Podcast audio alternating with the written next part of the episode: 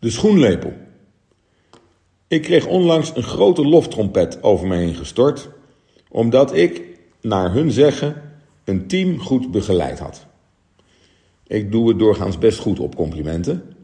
En deze keer extra omdat ik de lauwering niet zag aankomen. Mijn attitude van mensen helpen om samen ons doel te bereiken is voor mij best vanzelfsprekend. Waarom er dan nu toch een column mee openen? Toch een stukje ego? Ik mag het niet uitsluiten, maar toch denk ik er, zonder mezelf tot voorbeeld te willen verheffen, vooral een les mee te kunnen illustreren. Wat ik terugkreeg. Je bent gepassioneerd over ons gezamenlijke doel, laat ons meedenken en geeft richting, laat los en maakt ruimte voor de executie en ontwikkeling, maar doet wel mee en je bent er altijd als we je nodig hebben. Dat is nogal wat. In essentie kan ik het plaatsen. En ik denk dat het me zo trof omdat ik best wel veel bezig ben met leiderschap van anderen, individueel en collectief, maar nooit heb gedacht aan een praktijkvoorbeeld zo dichtbij. Wat kunnen we er wellicht van leren? Wel nu, ik lees veel over hoe leiders een groep mensen kunnen brengen naar een doel of een plek die ze niet willen weten. En eerlijk gezegd komt dat aardig mijn neus uit.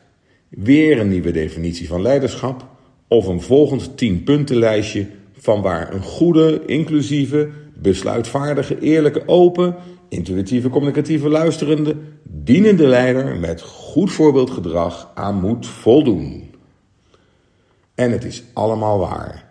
En dus tegelijkertijd zijn het nutteloze clichélijstjes. Niet alleen is passend leiderschap enorm context bepaald, ook zijn er eenvoudigweg te veel elementen waardoor definities niet eenvoudig zijn. Het is net als bij andere meer omvattende begrippen, zoals bijvoorbeeld liefde. Als je het begint te beschrijven, ben je verloren. Ik denk dat we beter kunnen stoppen een meta- en multidimensionaal begrip als leiderschap te rationaliseren. We mogen blijven nadenken, maar het beoordelen of iemand een goede leider voor jou is, is een heel kleine, particuliere en impliciete afweging. Of je iemand als leider neemt, is vooral een kwestie van ervaren aantrekkingskracht. Zowel op ratio als op emotie en intentie. Kom ik met, voor en door die persoon in beweging? Met stok en wortel desnoods. En wat ervaar ik vervolgens aan waarden? Leren we? Kan ik mezelf zijn? Krijg ik duidelijkheid? Wordt er voor me gezorgd? Word ik aan mijn uit- en afspraken gehouden? Uit een serie waarnemingen ontstaat vervolgens het antwoord op dat soort impliciete vragen. En zo proeft men ook de ware aard. Is het voor ons of doet hij het vooral voor zichzelf? Is er kwetsbare zelfreflectie of wint het ego?